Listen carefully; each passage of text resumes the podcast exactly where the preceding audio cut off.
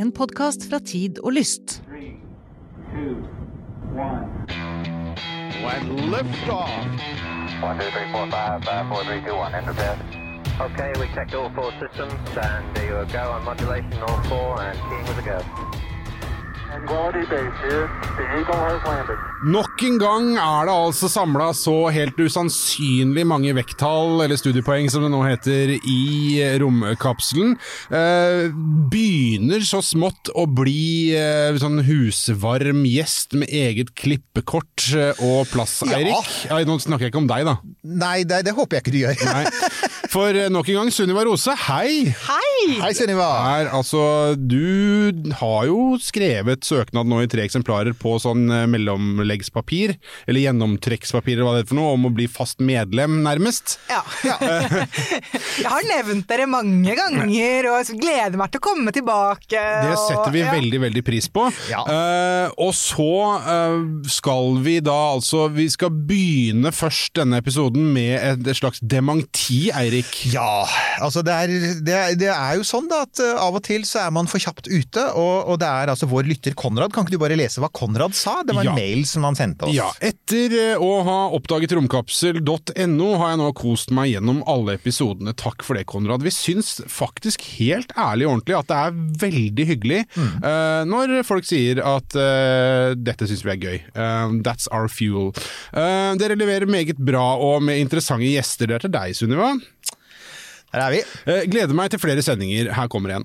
Eh, I en episode nevnte du, og det er til deg, Eirik, at eh, Three Mile Island-ulykken inspirerte til filmen The China Syndrome, men filmen kom faktisk før ulykken! Og Konrad har gjort jobben sin. Han har lenke til IMDb og riktige Wikipedia-artikler og sånn. Så han slenger ikke bare rundt seg med Han er ikke bare en av disse, men det gjør faktisk ikke våre lyttere. De er generelt veldig etterrettelige, og, og her er det bare å legge seg flat. Det er en sånn, det er en ting folk gjør mye for tiden, så jeg er flat, flat, flat. Dere kan se på videoen vår etterpå at jeg gjør meg så flat jeg bare kan.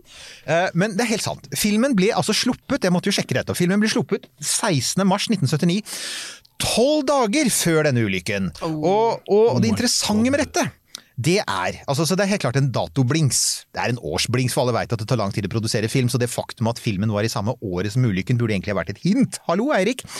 Um, og det er at uh, altså, det datosammenfallet har faktisk med det vi snakket om å gjøre, dette med skumlifiseringen av stråling. Fordi filmen ble lansert 16. mars. Den amerikanske kjernekraftindustrien reagerte sterkt på den negative portretteringen av deres industri, og tolv dager etterpå så, så blir det en ulykke. Og det er liksom, det er en sånn, sånn perfekt storm, da. Du merker at historien er bedre på den korrekte måten. Mye bedre! Den er jo det. Konrad, du har helt rett. Dette er en mye bedre Altså, det historie. er art imitating life. Ja. Er, Ja, men, eh, men så vil jeg allikevel eh, si det at ja, Three Mile Island er sånn når man eh, rangerer opp hvor de, på en måte, de alvorlige ulykkene vi har hatt, så er vel Three Mile Island nummer tre. Tsjernobyl er på topp, Fukushima nummer to, og så kommer Three Mile Island. Men eh, Three Mile Island er likevel en vel, altså en ulykke med veldig mye mindre alvorlige konsekvenser enn de to andre ulykkene. Det var ingen utslipp av noe som har vært til noe, altså noe helseskade. Ja, er det funnet noen helseskader? Nei, overhodet ikke. Og det, altså, faktisk, når jeg eh, har skrevet om sånn i, i, Ja. i, i, i både min masteravhandling og doktoravhandling, og på en måte skriver, Og i boka di, kanskje? Eh, jeg, jeg husker, jeg ikke jeg, jeg Vi er jeg, stjernestøv, vi må bare nevne den. Strålende bok, den er der ute. Du er jeg hørte hva du gjorde der. Strålende bok. Det er jo strålingen den handler aller mest om. Jeg tror jeg, tror jeg kommer ikke inn på Three My Lion Nei. eh, der, fordi man måtte kill their darlings og alt det der. Men, eh, men i doktorgrad og, og masteravhandling, altså litt, de litt mer vitenskapelige tingene jeg har skrevet, så, så bruker jeg faktisk Three Mile Island som et eksempel på et eh, på mange måter eh, korrekt designet kjernekraftverk som oppfører seg nøyaktig slik som det skal når det skjer en alvorlig ulykke. Fordi at Jeg skal ikke gå i detalj på den ulykken, men det var blant annet noe med at eh, ingeniørene som, som styrte inne på kraftverket, fikk beskjeder som var eh, feil. Så de på en måte, de reagerte og trykket på knapper og gjorde ting i forhold til de beskjedene de fikk. Men det viste seg da at de gjorde egentlig da stikk motsatt av det man egentlig skulle gjøre, fordi beskjedene var, eh, ja, var, var feil. Og allikevel så reagerer da kraftverket med det som kalles passive sikkerhet. At liksom noe som, som hvis det hadde vært feil konstruert, altså ville det fått alt til å bare blir mye, mye verre, men så tar det og justerer seg selv Mm. istedenfor. For å si det bare veldig sånn overfladisk. Um, men, men så er det si det, fordi, men, men det, dette med China syndrome, det handler jo om at man får en nedsmelting. Tenkte jeg kanskje, jeg lurer på om det kanskje er noe ikke alle lytterne egentlig vet hva er? Fordi det er jo det man Altså i Ja, igjen da. Når eh, vekttallene ble delt ut, så fikk ikke jeg så mange. Jeg sto bakerst i køen i denne forsamlingen. Så uh, da tenker jeg at eh, der er vi jo på det. Å herregud, det er nedmeltdown! Ja, Det er jo det man er redd for! Ja, men altså, og da har jeg sett for meg at det er en sånn derre atomkjerne som bare smelter ned i bakken og ned til den innerste kjernen, og alt Og til går til helvete. Ja, det, for saken er at hvis den, hvis den hadde gjort det da, liksom spist seg gjennom Det har jo vært en sånn I astronomien så har det jo vært en sånn tanke om at små svarte hull kunne gjøre dette. Komme inn på den ene siden av jorda, bli trukket inn mot midten, og så bare ete seg gjennom, og så punche ut på den andre siden, og så nærmest, altså nærmest som en sånn hole puncher, bare lage hull gjennom jorda. Det er et helt, nå er vi helt på vidvank her. Men Kinasyndromet, jeg tenkte akkurat det samme, at den liksom bare smelter en tunnel gjennom jorda, gjennom den varme kjernen, og så popper det opp glødende materie i Kina. Men det er kanskje ikke sånn. Nei, det kan ikke skje. Eh, men, men, altså, men fordi meltdown er alvorlig, og det er, det er definitivt det man vil unngå. Fordi vanligvis de fleste reaktorer, da, mm. de er sånn at brenselet er da i fast form, og det står i veldig lange, tynne staver. Mm. eh, på ca. en centimeter i diameter. De er, ganske, de er tynne og lange. Og så har man da vann, gjerne, eller, eller eventuelt annen kjølig væske, men gjerne vann, som da sirkulerer rundt og på en måte mellom brenselet, der man kan ta med seg hele tiden varmen vekk. For det blir fryktelig, fryktelig varmt eh, i brensel kjernekraftverk. Um, og hvis man da på et eller annet vis mister kjølingen, enten fordi at kjølevannet blir borte, altså la oss si at det, måte, at det går hull, og så renner kjølevannet ut, eller sånn som det som skjedde i Fukushima, at vannet sluttet å sirkulere. Så da hadde man en såkalt, det var en loss of flow accident, hvor da vannet da blir stående stille. og Da får du ikke transportert vekk varme, og da blir det også varmt. Da. Um, og, og det man da er redd for, er at etter hvert så blir det så varmt. Det er vel Vi er vel godt over 2000 grader, tror jeg. Jeg har ikke sjekket ut det tallet, så da får eh, deres da lyttere korrigere meg på det. Men Sett i gang. Kjør debatt. Og da smelter brenselet. Og det som da er veldig dumt med det, altså, ja, det er slett, ja, det smelter. Ja. Og da er det ikke lenger lange staver, da får du en klump. Og en klump er, er dum fordi at eh, da blir det veldig vanskelig å, å, å kjøle den. For da, altså, når du har tenkt det, du har, liksom, du har flere hundre staver med brensel og vann som går rundt på alt der, kontra å ha én stor klump. Du får ikke tatt bort så veldig mye varme fra den, så da blir det veldig varmt på innsiden. Og da, worst case, da, det man da er redd for, er at, eh, er at den da skal smelte seg ut av reaktoren og på en måte Men det, det er ingen som tror at den kan smelte seg ned og inn til jordkloden og videre derfra. Og, det, og, og viktig, altså dette skjedde altså ikke i Three Mile Island. Det skjedde ikke i Three Mile Island, men, eh, men, men det er derfor han er så redd for nedsmelting. Men der, der hadde jeg også en interessant si, aha-opplevelse under Fukushima-ulykken, hvor jeg var på telefonen med Det var en av de første gangene jeg snakket med journalister, egentlig. eh, Og hadde på en måte bare snakket med fagfolk innen, da, ja, innen eget fag, altså kjernefysikk før det. Og så, og er journalisten på telefonen, og dette var jo da hvor, hvor Fukushima-ulykken akkurat hadde skjedd, og ingen visste helt hva som skjedde, og så var hun sånn Ja, men hva er worst case scenario, da? Så jeg sånn Nei, altså Worst case scenario Nei, det er vel at liksom ja, Brenselet smelter, og hun var sånn Ja, men worst, worst, worst case scenario Ja, det, det, det smelter, da. De tenker Og det er dumt. tror du ikke det? De tenker, de tenker eksplosjon. Du lot deg lokke ut på den pinnen der, ja. Ja, men, jeg, Ja. men jeg, jeg, jeg var sånn Nei, jeg vet ikke helt hva jeg tenker. Altså, men, men worst, worst, worst. Altså, worst, worst, worst case scenario er at brenselet smelter, og da får man jo ikke kjølt det, da. Nei. Ja. Ja. Og fikk ikke den soppskya som det vi var på jakt etter. For å runde av vår lille Kinasyndrom-digresjon her, så er det, det finnes en anekdote som jeg liker, som jeg oppdaget da via Wikipedia-artikkelen. Jeg har hørt den før også. Og det er at uh, en av de som da kjempet veldig hardt mot denne filmen, og syntes den var misvisende, og dessuten også forsvarte kjernekraftindustrien etter Three Mile Island, var Edward Teller. ja. Og, og du vet jo du, Hvem er Edward Teller? Kort, hvem er Edward Teller? Han er, han er ikke liten i dette feltet. Uh, nei, men eh, jeg vet ikke, jeg tror nesten du kan lettere si Ja, noe nei, altså, han, er, han blir ofte kalt for hydrogenbombens far. Han er en eh, fysiker, matematiker, var utrolig viktig i diverse Altså Han var viktig for amerikansk atomvåpenutvikling og kjernekraftindustri. Og var så involvert i amerikansk våpenindustri at da jeg var i fredsrørsla på 80-tallet, så pleide vi bare å kalle ham for Darth Vader. The Dark okay, Lord. såpass, ja. okay. For han var ganske mørk, og han var, han var opprinnelig ungarer. Hard antikommunist. Han var Ingen hatet Sovjetunionen mer enn Edward Teller.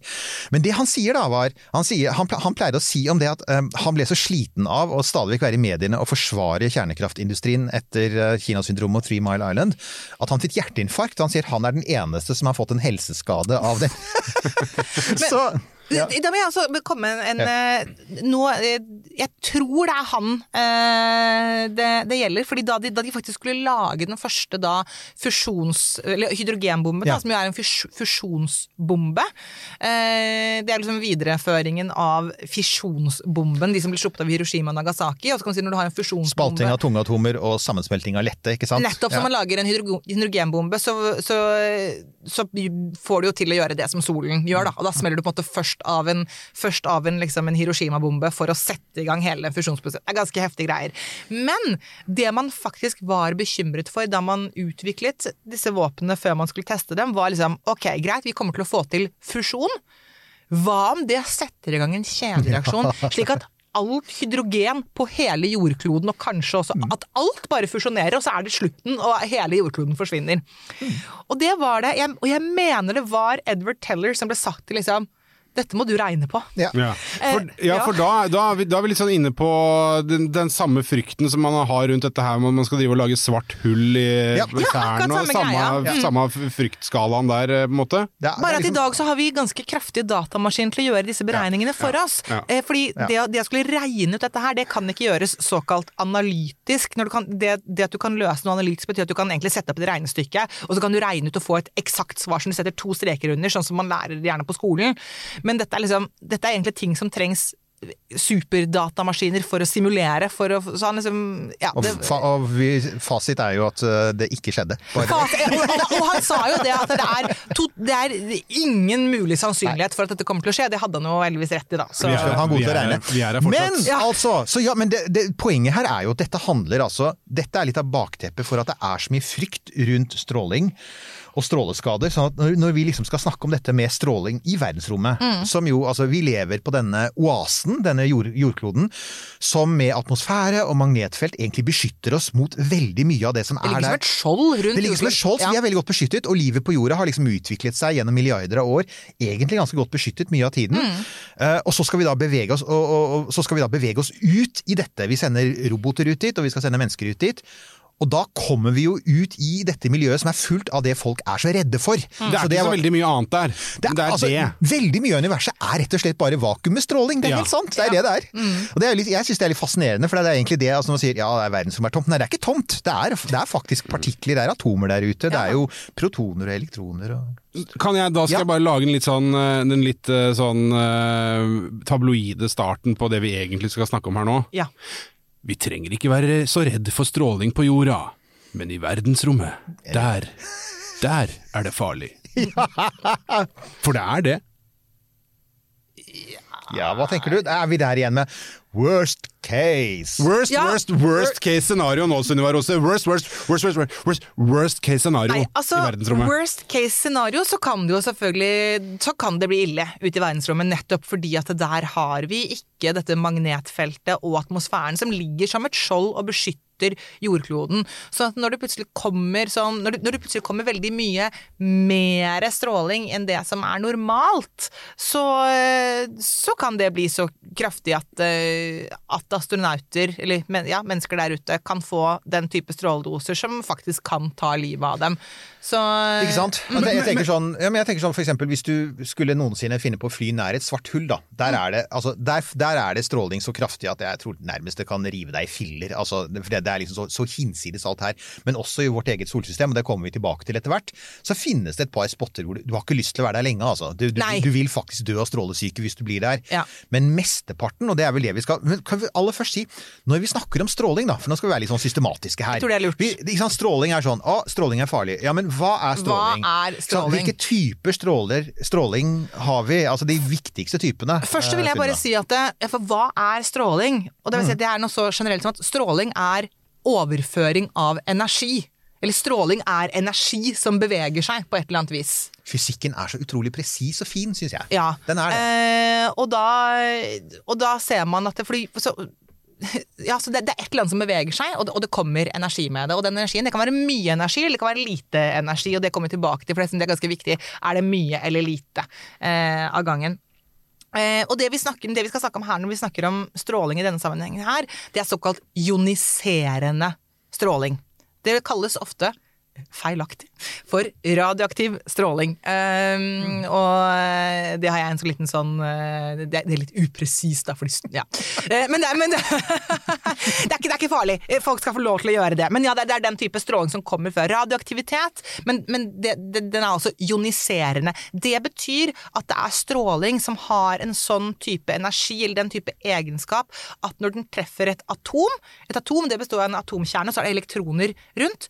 Men den kan da slå løs elektroner fra disse atomene. Da blir de såkalt ionisert. For da er det ikke et nøytralt atom lenger, da er det blitt til et jon.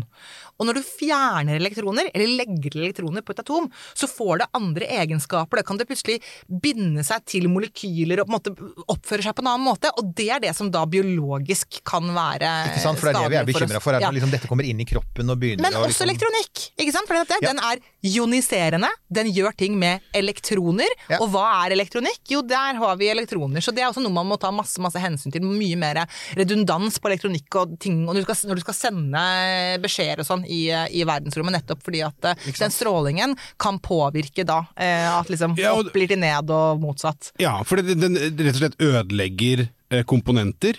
Og signaloverføring og Ødelegge komponenter er én ting, og så på en måte når du sender altså, nuller og enere, så blir det null blir til en en, og en Ja. en blir til null, kan du si. Akkurat det er utrolig viktig det du sier der, for Ja. det har skjedd i Ja. romhistorien. At, at du har fått sånne flipper fra null til én, og så er plutselig en kode som betød én ting, betyr noe annet. Altså Ja. at noe som var av, blir på. Nettopp. Så så må, du må ha mange, du må ha mange systemer som på en måte Så- sjekker at det ting da og vi er vet at vi har mange folk der ute som hører til IT-bransjen, så dere veit sikkert hva jeg mener. Du- må ha sånn error correction codes. altså Du må, Ja. liksom ha, du må ha Flere lag du må ha med- Mm. flere lag hvor du kan rette opp, og, og du må, som du sier, ha eh, Og så må du dessuten er det herdet, så det folk spør av og til for eksempel Hvorfor altså, Ofte så brukes det ganske gamle mikroprosessorer i sånn type Mars-rovere. ikke sant? Ja, Hvorfor kjører Curiosity på en så Hvorfor bruker den ikke den aller siste som sitter i en vanlig sitter i en iPhone? da? Det er fordi at altså, gammel teknologi eh, er ofte litt enklere, og man har jobbet med det lenge, og det er ofte enklere å herde. Man kan, så, så de er ofte litt sånn underspekka, men det er nettopp fordi de skal ha masse redundans, og fordi Ja. at de skal være herda. Ja. Så, så ja, det, det er, så, så igjen, det er høyst reelt. Det er ingen som sier noe annet enn at det er masse, som du sier, særlig denne her ioniserende strålingen, protoner. Ja, så, så, så det er vanligvis her på jordkloden, Ja. fordi så da, stråling, og selv, selv man da, eh, fordi, og grunnen til at jeg da er nøye på at det er ioniserende stråling, er at det er også annen type stråling. Lysstråling, er, altså lys sånn som vi har rundt her, det er en form for stråling, elektromagnetisk eh, stråling, den er ikke ioniserende, ikke sant? Røntgen, gamma Så, sant? så, så altså, nå kan vi på hva, hva, og hva er det som er ioniserende? Jo, det er da eh, det er røntgenstråling er det, gammastråling er det, Ah. alfastråling, betastråling. Det er de tingene vi gjerne har mest å gjøre med her på jordkloden. Ute i verdensrommet så er det mest da altså Når vi snakker om da kosmisk stråling, Mm. så snakker vi også her da om ioniserende stråling, og da er det hovedsakelig da protoner. Eh, som da kommer med stor fart, og det vil si da mye energi. Og så er det rett og slett atomkjerner. Eh, og alfastråling er jo faktisk også en atomkjerne. Alfastråling er en heliumkjerne. Så det er, eh, det er en, av disse, en av disse atomkjernene. Men det kan også være andre atomkjerner. Kan til, opp til eh, er jern og nikkel og altså alt mulig. Men da er det bare atomkjernen, og de kommer i stor fart.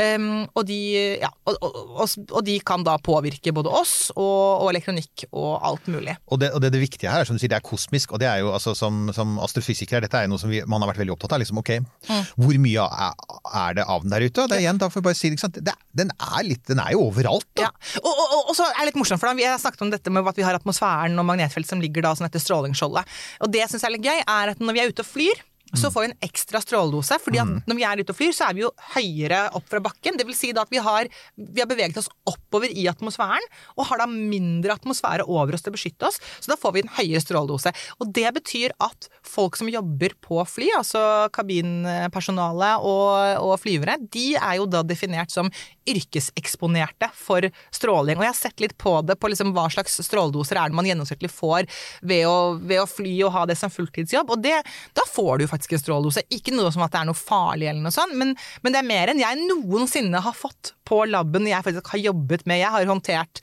uran og plutonium og den type ting på laben, da. Så ja. Hvis du også har lyst til å lage podkast, så må du ta kontakt med oss i podkastbyrået Tid og Lyst. Vi holder til på Grünerløkka, har verdens hyggeligste studio, som selvfølgelig har nydelig lyd. Det kan du jo høre. Vi er dessuten skikkelig gode på innhold og produksjon. Send en mail til pia at tid og lyst, så snakkes vi. What? What? Ja, ja, ja. Da er vi litt tilbake til den der eh, hvor farlig er ting, og det er forskjell på liksom, det er forskjell på om du tar en måte spiser et eller annet som er radioaktivt, eller om du håndterer det med en hanske på deg, og, og den type ting. Men det, der sa jo du noe før vi gikk i studio som jeg syntes var veldig interessant, og det var jo at, altså at for, for et sånn strålingsfareperspektiv da, så er egentlig verdensrommet litt sånn greiere å ha med å gjøre. For Ja. ikke sant? Altså på jorda, som du sier, på jorda så har du veldig mange kilder, og du kan spise liksom et radioaktivt ban Er det ikke banan som har ganske høy Den er, den er ikke veldig høy, men, det, men den, er, den er mer det, det er blitt en sånn Man snakker om på en måte en banandose nettopp fordi at, eh, fordi at den er eh, Den har mye kalium i seg, så den er rik på kalium, grunnstoffet kalium. Og hvis den har mye kalium i seg, så vil den også ha da mer av det radioaktive kalium. Så alle ting, alle ting som har mye kalium, vil også ha mer av Men altså, radioaktivt no bananas in space er vel egentlig på Ja. Men, så, men, så, ja, så, så, det er jo, det, og det er jo altså for så vidt så det, er ulemper med at det liksom er kosmisk stråling, og det er svære partikler som farer omkring. Og, du, og du, igjen, du kan ikke slippe unna det. Hvis du reiser ut av solsystemet, så vil du fremdeles være den De kaller det jo den galaktiske kosmiske strålingen, som jeg alltid Ja. har syntes var litt kult. For det er sånn det, Disse tingene kommer vel da gjerne fra svarte hull og eksploderende stjerner og galaksekjerner og kvasarer, disse her alle mulige ting som skjer ute i verdensrommet, vil gi partikler som, som, da, som kommer som i alle stråler. Ja. mm. og, så, og så, så svever det der ute. Og, og fordi det er stort sett vakuum, så stopper det jo heller altså de, kan jo fly da i billioner av år, og bare fortsette å fly og fly. til Ja, ja, det, det, det stopper jo ikke. Det, eller, det, det stopper jo til de da treffer på et eller annet annet. Da. For eksempel atmosfæren eh, vår. Eh, og grunnen til at både da magnetfeltet og atmosfæren fungerer som et sånt strålingsskjold, er jo for at altså, protoner og, eh, og atomkjerner det, blir, det er jo da som en, det er jo en ladd partikkel. Det har en ladning. Det begge deler har en eh, plussladning, slik at det vil jo påvirkes da av magneter, eller magnetfeltet da, som ligger Mm. rundt jordkloden. Så det er én ting, det blir bøyd av og bremset ned. Og så er det den andre måten man stopper disse tingene på. Det er at de rett og slett de treffer da ting i Altså, atmosfæren vår er jo ikke tomrom lenger, så da treffer den faktisk andre, andre stoffer i atmosfæren. Og det er litt morsomt, for det er sånn vi får laget det radioaktive karbon 14, som består, som er i alt liv. Det lages hele tiden i atmosfæren vår.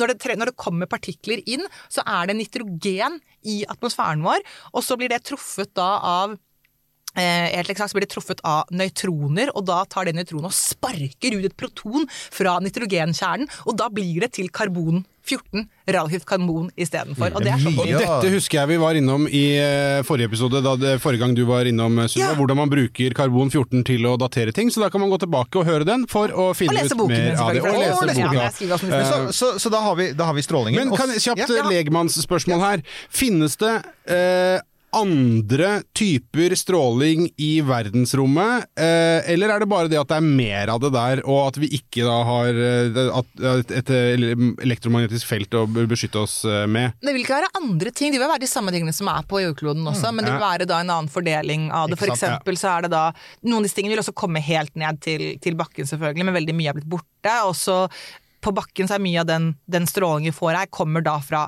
radioaktive prosesser, som da gir for eksempel alfastråling. og så- Men det er liksom, det er basically det samme. Det er det men, samme ting, ja. ja. Mm. Uh, så er det en ting her, og det, det, det får vi bare ta, kjapt bare si noe om, og det er hvis du går ut og forsøker å lese deg opp på dette med stråling, og, og også det på stråling i rommet, da. Så vil du oppdage at det brukes veldig mange måleenheter. Ja. Og det er sånn rad, rem, røntgen, kry, grey, sievert. Og jeg tenker vi bør bare lande på noe her, sånn at vi liksom hele tiden snakker om den samme tingen. Bør vi ikke det? Jo. For det blir så forvirrende ellers. Ja, det er forvirrende. Og her, kommer, her skal jeg se litt nøye på notatene mine, for det, så jeg ikke ender opp med å, å si, noe, si noe feil. Eh, jeg er eh, Jeg forholder meg mest til Sivert, er den målenheten jeg er mest vant til å bruke. Og jeg eh, Sivert og Grey. Og da er det, skal jeg starte i den enden der. Men jeg har aldri hørt om Grey. Nei. Og skal vi si at Dette er stort sett oppkalt etter fysikere, ikke sant? Ja, Gray og Sivert er begge to eh, oppkalt etter Humrer du litt når eh, du hører Sivert Høyem? Ja, Hvis jeg hører navnet Sivert generelt, så tenker jeg Mannen har utstråling! Og så, og så tenker jeg, altså jeg fikk jo en sønn da, tidligere i, i starten av dette året, og det er sånn, han kan ikke hete Sivert, for eksempel. Det, det går ikke, det ville vært veldig, veldig rart. Um, Sorry, det var ikke meningen å avbryte. Det går, det går veldig fint. Ja, det er oppkalt etter, eh, oppkalt etter, eh, etter fysikere. Så røntgen er oppkalt etter uh, Wilhelm Conrad Røntgen. Curie er Det er litt uvisst om det egentlig er det Marie Curie eller Pierre Curie den er oppkalt etter. Det er Derom strides de lærde, visstnok. Mm.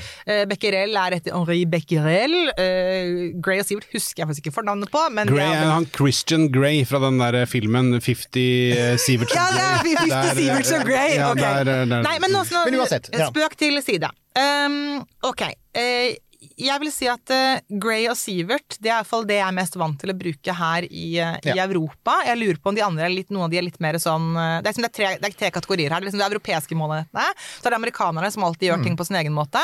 Og så er det de gamle enhetene som vi ikke bruker lenger. Ja. Sant? Så det er kategorien her.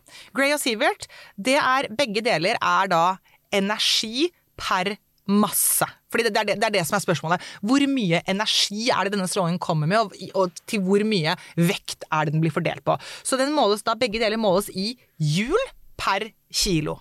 Så hjul per kilo er lik Sivert. Det er både Sivert og Grey. Ok. Mm. Ja. Eh, og, og da er det nemlig sånn at Grey er det som da kalles for bare eh, absorbert dose. Eh, så, så begge deler er for dose, men, men Grey er da absorbert dose. Og det betyr, det betyr bare ok, hvor mye energi var det du fikk i eksempel, Og når det er snakk om er verdensrommet, så er det enklere, fordi da er det bare til hele deg som menneske, og da kan man si liksom ok, et menneske er 75 kilo, eksempel. Det, er, det holder, det er, det er godt. Noen, noen mennesker er det. Ja, men, men, men, men det er nok, da. Vi kan gå, om, det er, om det er 100 kilo og 50 kilo, det har ikke så veldig mye å si, egentlig, for det er snakk om hele kroppen. Det er ikke plutselig snakk om et organ som veier 100 gram, for eksempel, for da ser du at det blir ganske stor forskjell om du da tar eh, Hvis du har da en energi på liksom på én hjul, og du sier den skal deles da på 100 kilo, eller 100 gram, så er det ganske forskjellig hva slags dose du får. Om Ja. du deler den på 100 kilo eller 70 kilo, har ikke så mye å si. Ja. Så det snakker om såkalte helkroppsdoser i verdensrommet. Men altså, ja, så det er begge deler er hjul per kilo. Og Gray er da bare hvor mye energi har hele kroppen din fått tilført i form av stråling. Men så er det jo da sånn at forskjellige typer stråling oppfører seg litt forskjellig i kroppen. Noen av dem, for det er et annet begrep som man også kan komme til å lese om, det er da, eh, så står det, det er høy LET, eller lav LET.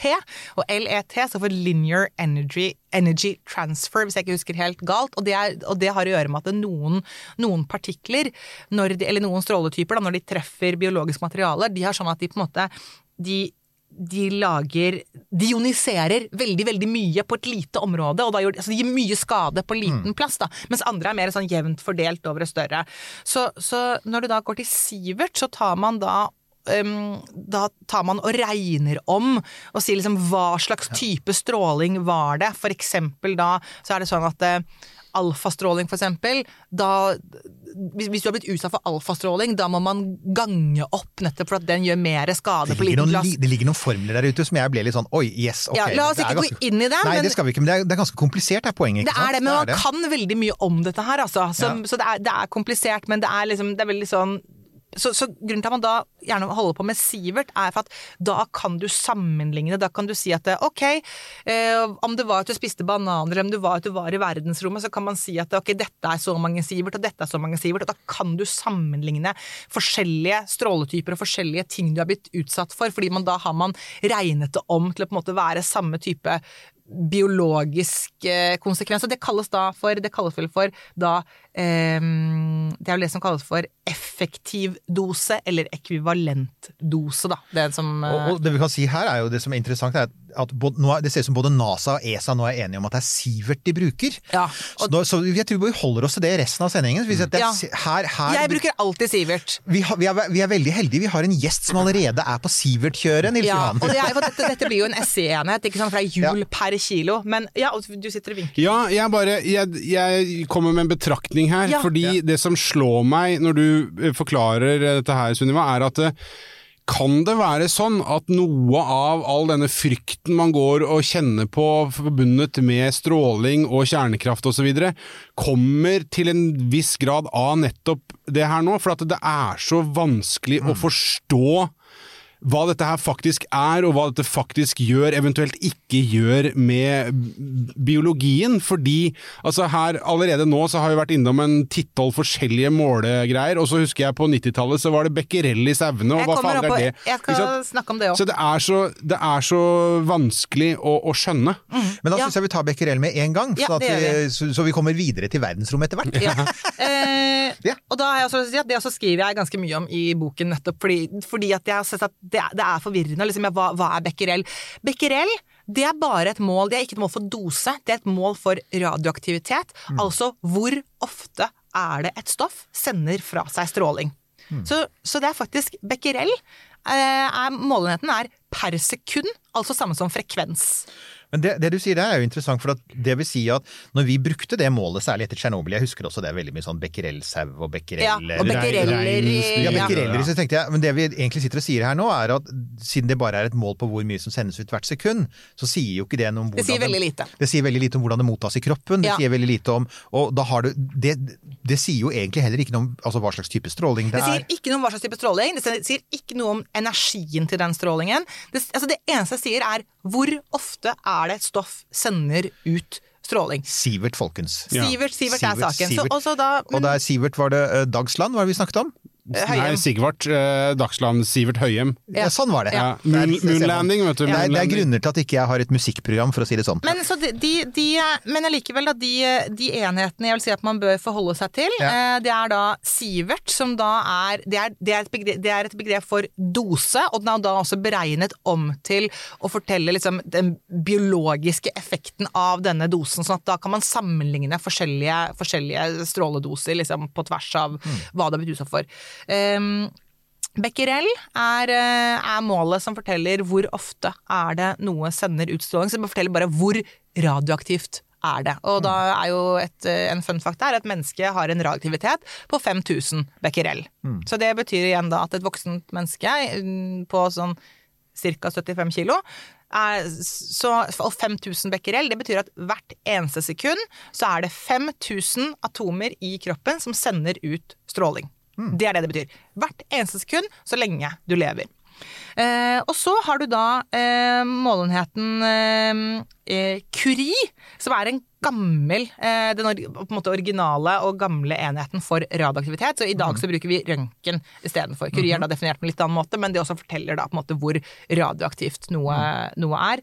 Eh, og så disse rad og rem er, så vidt jeg husker det, er da de amerikanske variantene av Gray og Sivert. Ikke sant? Så du, og grunnen til at vi nevner det, er at hvis du går inn i litt gamle NASA-dokumenter, så vil du faktisk se rad og rem. Ja, ja. du- husker jeg. Ikke sant? Og da vil du se også for eksempel ganske mye om uh, ganske mye sånn planer for å sende folk til Mars. Så vil du se at hvis det liksom er sånn de siste før 20 år siden, så er det veldig ofte rem de snakker om. Ja. I, for- I forhold til liksom hva astronautene er er fordi utsatt for. rad tilsvarer da på en måte Grey, Mm. og rem tilsvarer Sivert, altså da den, denne eh, effektive dosen. Det som er bra med dem, er at det er bare en sånn gange eller dele på 100, avhengig av hvilken vei du går, så de er på en måte like sånn sett. Så da er det sånn at det, eh, en, eh, Hvis du har én eh, Sivert, så tilsvarer vel det 100 eh, rem. Så det er en sånn type én-til-én, eh, sånn som det. Mm. Men jeg tenker, hvis vi skal sette dette litt kontekst, da. Så på, på en sånn et, hva, altså Hvor mye sivert får du i deg sånn typisk jordboer? Ja, for det er ikke jo interessant. For det er liksom, dette er null, ikke sant? Ja, vi må Her- ha her- sette et nullpunkt her. Ja. det nullpunktet Ja. her er liksom uh, Altså, hva er det For å si det, hva er det normale, ikke sant? Så, så hva får vi, da?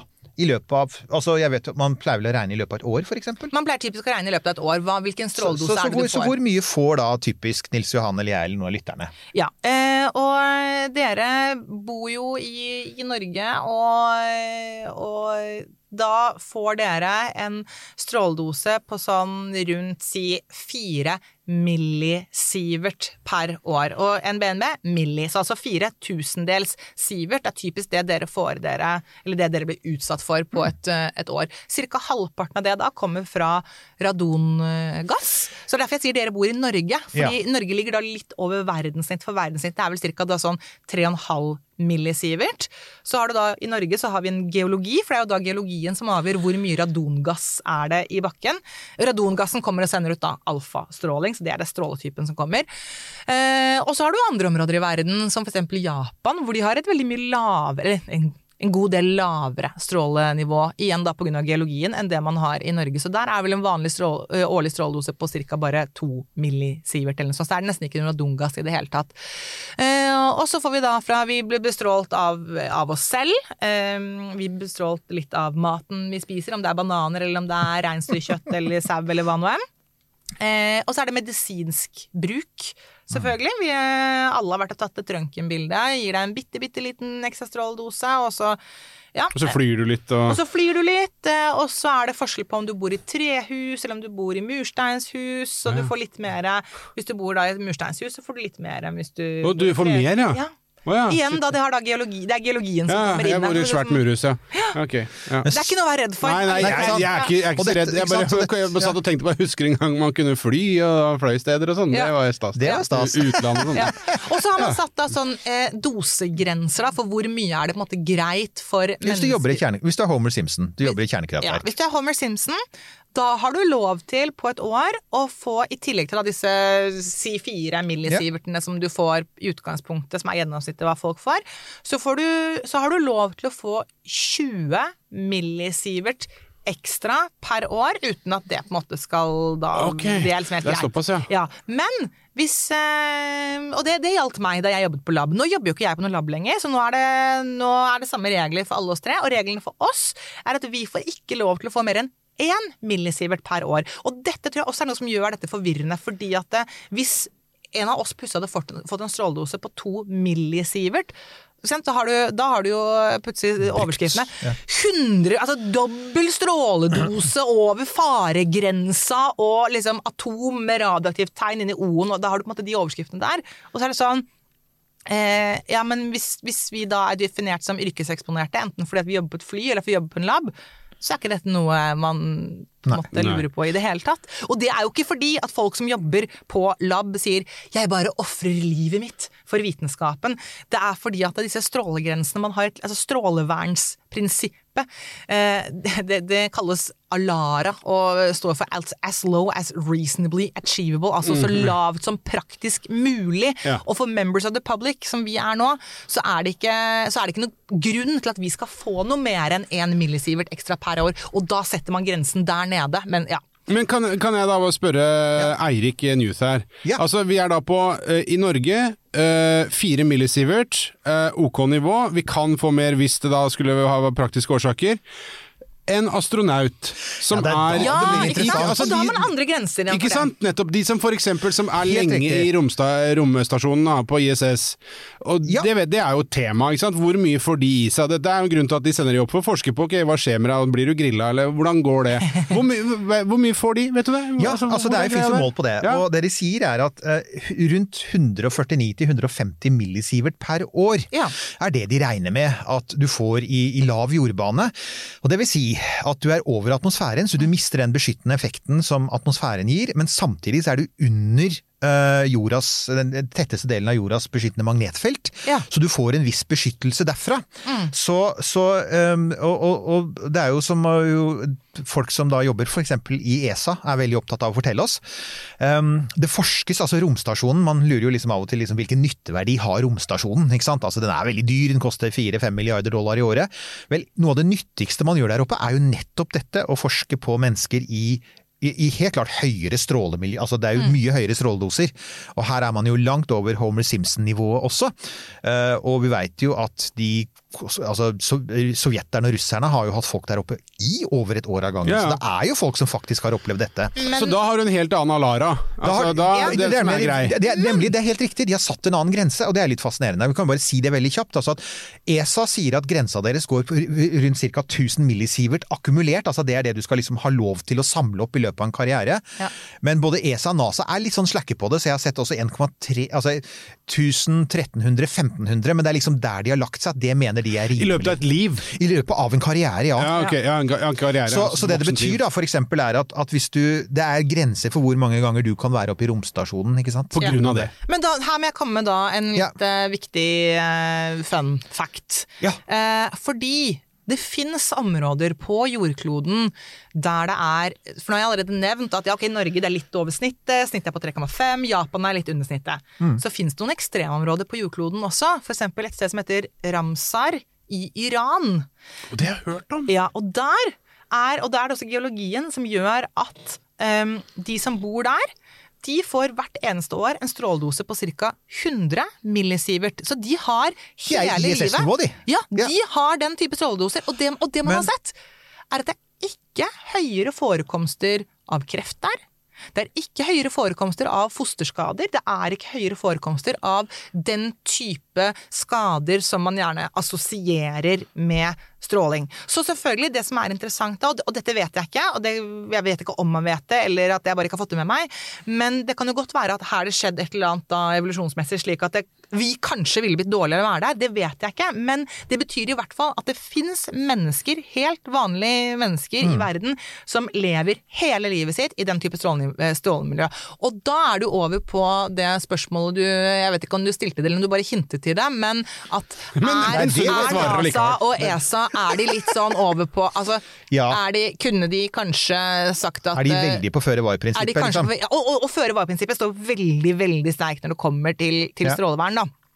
Eh, Gjør deg klar for episke filmer med et episk tilbud. Nå for en tidsbegrenset periode får du Disney Pluss for kun 19 kroner per måned i tre måneder. Tilbudet gjelder til og med 14. mars for standard med reklame. Registrer deg nå for kun 19 kroner per måned i tre måneder. Disney Pluss. Mer enn du forventer deg. Tilbudet gjelder for kunder uten et aktivt abonnement. 18 pluss. Fornyes automatisk til 59 kroner per måned. Vilkår gjelder. Så um... Ja, for jeg satt litt sånn og følte at jeg begynte å tenke Er det egentlig så farlig med de radongreiene når du skal pusse opp kjelleren? Trenger du å ha det skillet? For det er Ja, ikke og da, sånn- da må jeg komme med en viktig, viktig opplysning på det. Fordi igjen da, det, Og da er vi litt på det som er litt vanskelig med stråling. Eh, Og, og nå er vi på Og nå, her er det forskjell på bakken kontra verdensrommet. Fordi radongass, da er det to Den går inn i lungene, ikke sant? den, den puster du inn fordi den er en gass. Så det er én ting, da går den inn i kroppen din, og så sender den ut alfastråling. Og det er på en måte en litt sånn dårlig kombinasjon. Det er litt som eh, med, da vi tilbake på dette med polonium og Aleksandr Litvinenko som vi snakket om i forrige episode, som jeg også skriver i boken. Eh, men ikke sant, så da, da har du fått Ja. i deg et eller annet som sender ut denne alfastrålingen, og det vil si at da kan du få en ganske stor stråledose bare til lungene dine. Ja, ja. ja. og dermed kan det være skadelig hvis du har veldig høye nivåer av radongass, og du da er på dette området mye, har soverom der nede, så, så ligger du åtte timer hver eneste natt og puster inn noe som da gir en, en ekstra stråledose til lungene dine, så kan det være negativt. Okay, ja, da- så men, det er, men det er litt enklere da ute i verden. som det, altså. Fordi der er det på en måte bare snakk om såkalte helkroppsdoser, og det er kommer da eksternt, det kommer utenfra. Så det er lettere sånn sett å Og, all, forholde og all, deg til. all luft er veldig filtrert, ikke sant. De er, Ja. veldig, de er veldig opptatt av det. Og de, de praktiserer jo strålevern. Du skal jo ikke ha noe rundt deg som, som sender ut stråling pga. de høye dosene. Og som jeg syns er litt fascinerende, da. Vi får si litt om det. Altså at når man er oppe, for det, det, er jo, det finnes noen andre doser her også. Du har selvfølgelig altså NASA har regnet at en måneferd på 30 dager vil kunne gi ca. 300-400 millisievert, har, har de regna på. Og en 2,5 år lang ferd til Mars vil gi sånn rundt 1000-1500 millisievert, litt avhengig av liksom ferdsprofilene og sånn. Og, og det er klart, der har vi noe av problemet for uh, der vi er nå, som er at, at på, skal du til Mars, så butter du veldig fort imot den der livsgrensa. Altså, Ja. Da snakker vi egentlig om at en astronaut som skal til Mars, bør helt klart ikke ha vært noe særlig i romstasjonen. For at hun, hun vil jo da allerede ha bunka opp så mye millisievert at når hun da drar av gårde, så, så vil jo hun passere den.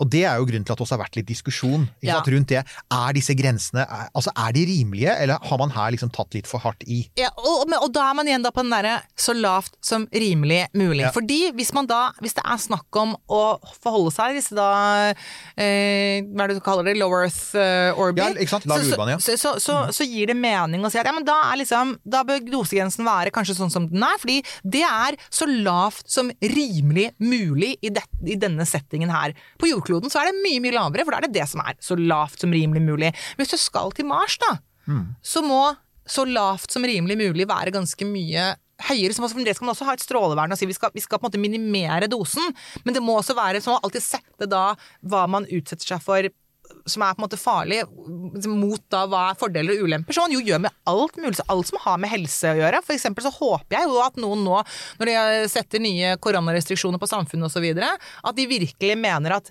eh, de, de positive sidene ved å gjøre så voldsomme begrensninger som de gjør i samfunnet, at de er større enn de negative. Jeg er ikke helt overbevist, men det er en annen Det er en annen debatt. Det er en annen annen debatt. Men, Men, men poenget men- mitt var at det, jo, men det er jo noe av det samme liksom- resonnementet, som du sier. Hva, Ja, men kan, kan jeg spørre altså, her, nå, Vi snakker om eh, Når vi snakka om Mars, da er vi oppe i liksom 2500, var det det som var på toppen der eh, av skalaen? 2500. Rundt 1500 er vel det man sier på en, sånn, en 1500. kort ferd til Så det, er 1,5 sievert. Riktig. Ja. Ja. Men, og så snakker vi om at fire f- eh, 4 millisievert, det er årsdose for et menneske. her i Norge. sånn I Norge, ja. Eh, Et sted mellom 1,5 og 4, da, la oss si at det er eh, sånn verdensgjennomsnitt, eh, hvis man kan være så flåste på det.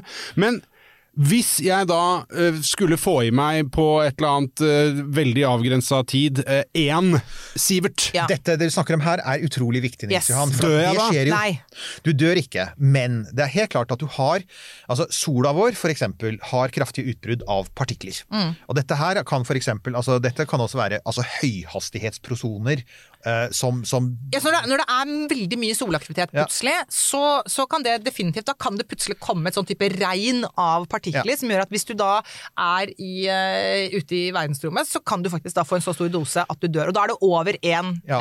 sievert. Altså. Og det Altså. finnes jo et område, det bør vi kanskje nevne, det finnes jo et område for at på den ene siden så har vi dette fantastisk fine magnetfeltet vårt, som beskytter f.eks. astronauter i ISS mot mye stråling, selv om du er over atmosfæren, som tar det meste. Men ikke så langt over ISS, eh, romstasjonen, så ligger da det nederste van Allen-beltet. Og det er altså, altså, Vi skal ikke gå for mye i dette, men jorda har jo et magnetfelt rundt seg. Den har en magnetosfære, eh, og den har en ganske kompleks form. og På et eller annet tidspunkt kan vi sikkert få typ f.eks. Pål fra Pål Brekke. Fra, eh, han er ekspert på magnetosfæren. Ja. Han kan sikkert snakke mer om det seinere, men poenget er at du har to altså den, ma, ma, Jordas magnetfelt er formet slik at du da har to sånne smultringer, eh, magnetfeltsmultringer rundt jorda, som fanger opp mye av de, disse ladde partiklene. Og de blir da gående særlig elektroner, og de blir da svirrende rundt. Og, og det, er, altså, det kan skade satellitter, og derfor så prøver man å unngå å ha satellitter, særlig i det nederste fanalen-beltet. Og det kan potensielt skade astronauter, og det er en av grunnene til at da Apollo-astronautene fløy til månen, så forsøkte man å legge banen sånn at de var kortest mulig tid i fanalenbeltene. Mm. For at de var liksom for å være helt trygge på at ikke du fikk en sånn derre burst av sånn solelektroner og protoner inn i romfartøyet. Ja. Jeg har en fun fact eh, til om dette med sol, solaktivitet. Ja. Husker dere Concorde-flyene? ja. Ja.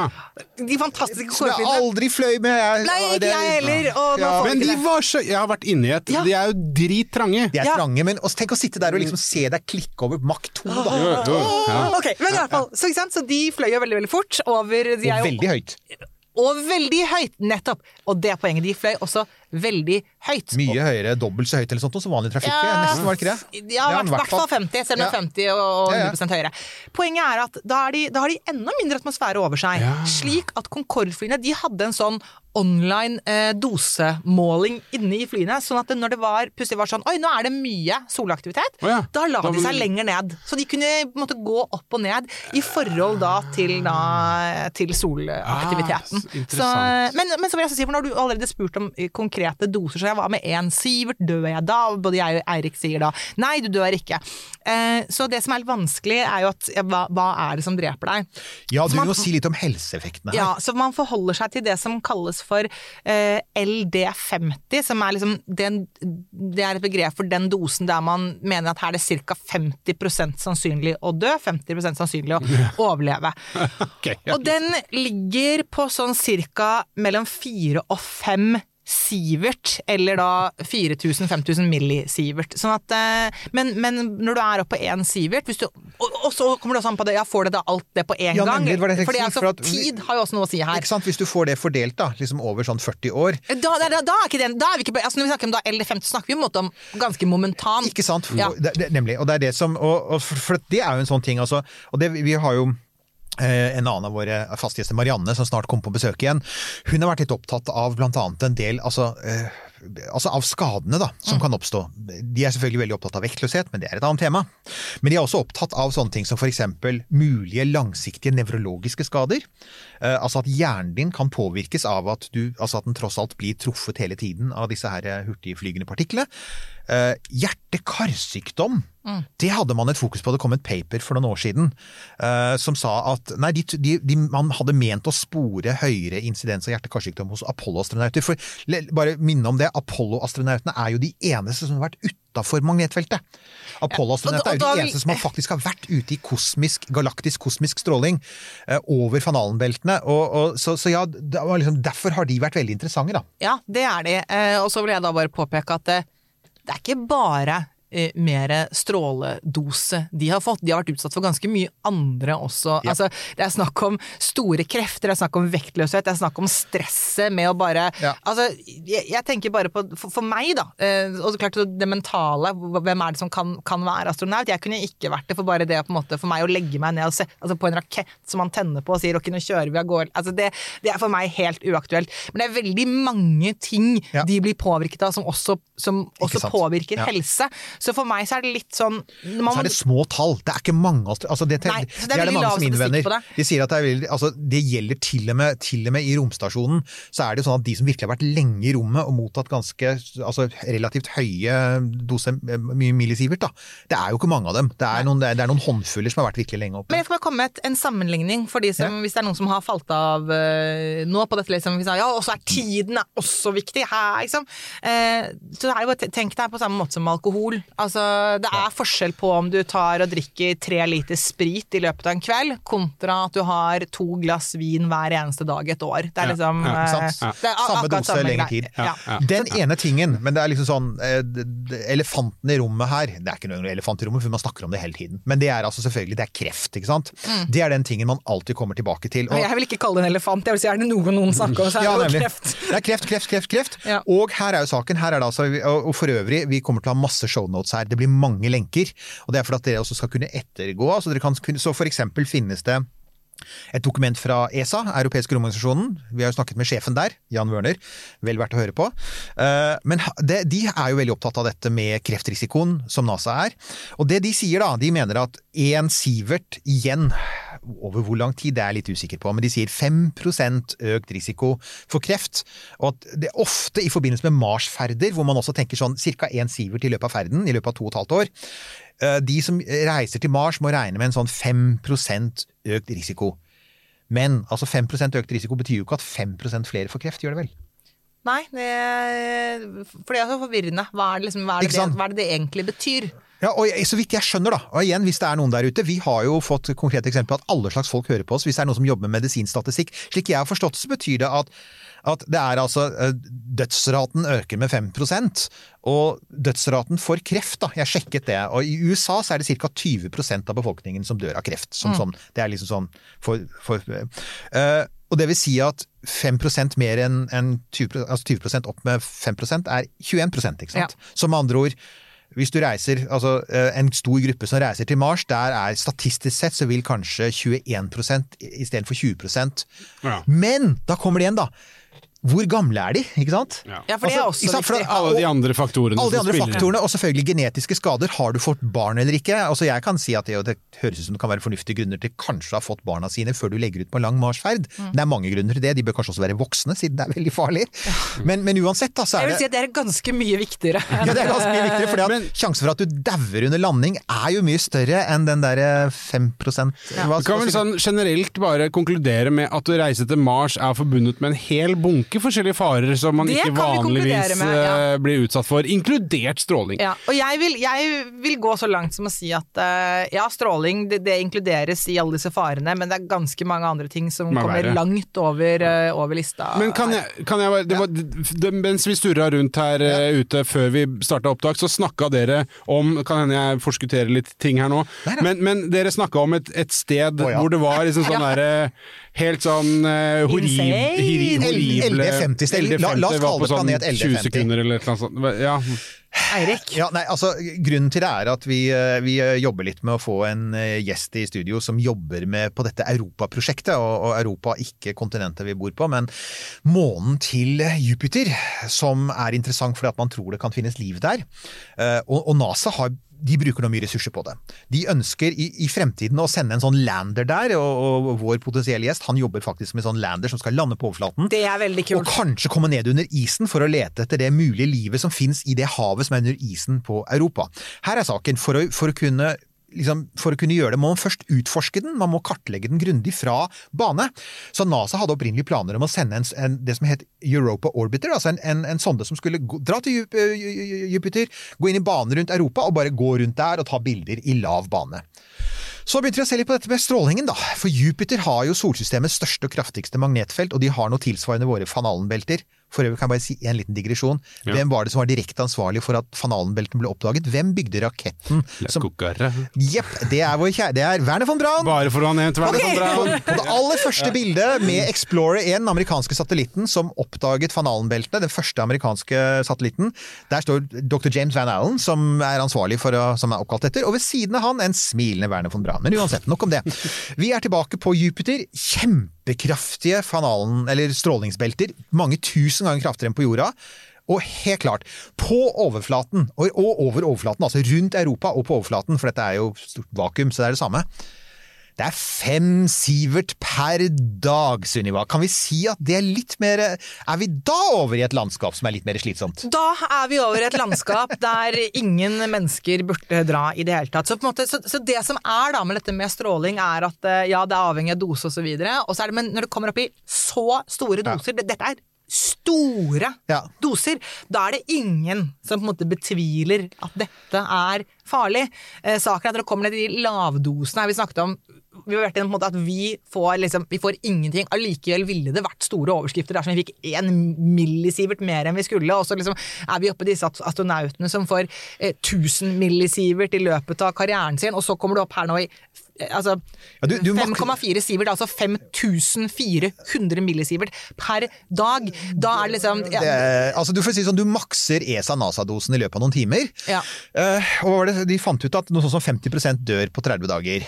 ja. Så selvfølgelig det er ingen som snakker å sende astronauter dit. Nei, nei, nei. Så det finnes et par filmer som sender astronauter til Jupiter, og, og I call bullshit. Men, men jeg, jeg må også bare si, Ja. fordi um, vi har jo hatt kontakt på forhånd før, denne, før jeg er her, og så Hva? Vandret du ikke bare inn fra Nei, og så sendte du meg Skrev du noe om da Europa, og jeg oppdaget, opplevde det bare som husker jeg, bare Europa og fem Sivert per dag. Jeg bare Hæ? Hvor i Europa, det er ikke, hvor i Europa er det du ja, ja, ja. snakker der har du astronaut, det er astronomen i meg. Vet du. Jeg tenker Europa er for meg egentlig en måne. Ja, jeg tror du, du, du snakket om det som om det ikke finnes noe annet eh, Europa Ja, ja, ja. enn denne månen, og så skjønte jeg liksom Men, men her er greia, dette ah, har altså påvirket designet til denne romsonden. Ja, det var det jeg tenkte. De har, de, Altså, har Europa Orbiter er nå blitt til Europa Explorer, tror jeg den heter nå. Og Poenget er at istedenfor at den går i bane rundt Europa, hvor den vil bli fried i løpet av noen uker, for at elektronikken vil ikke tåle det. Nei. Vi kan herde så mye vi bare vil, men det er så intens stråling.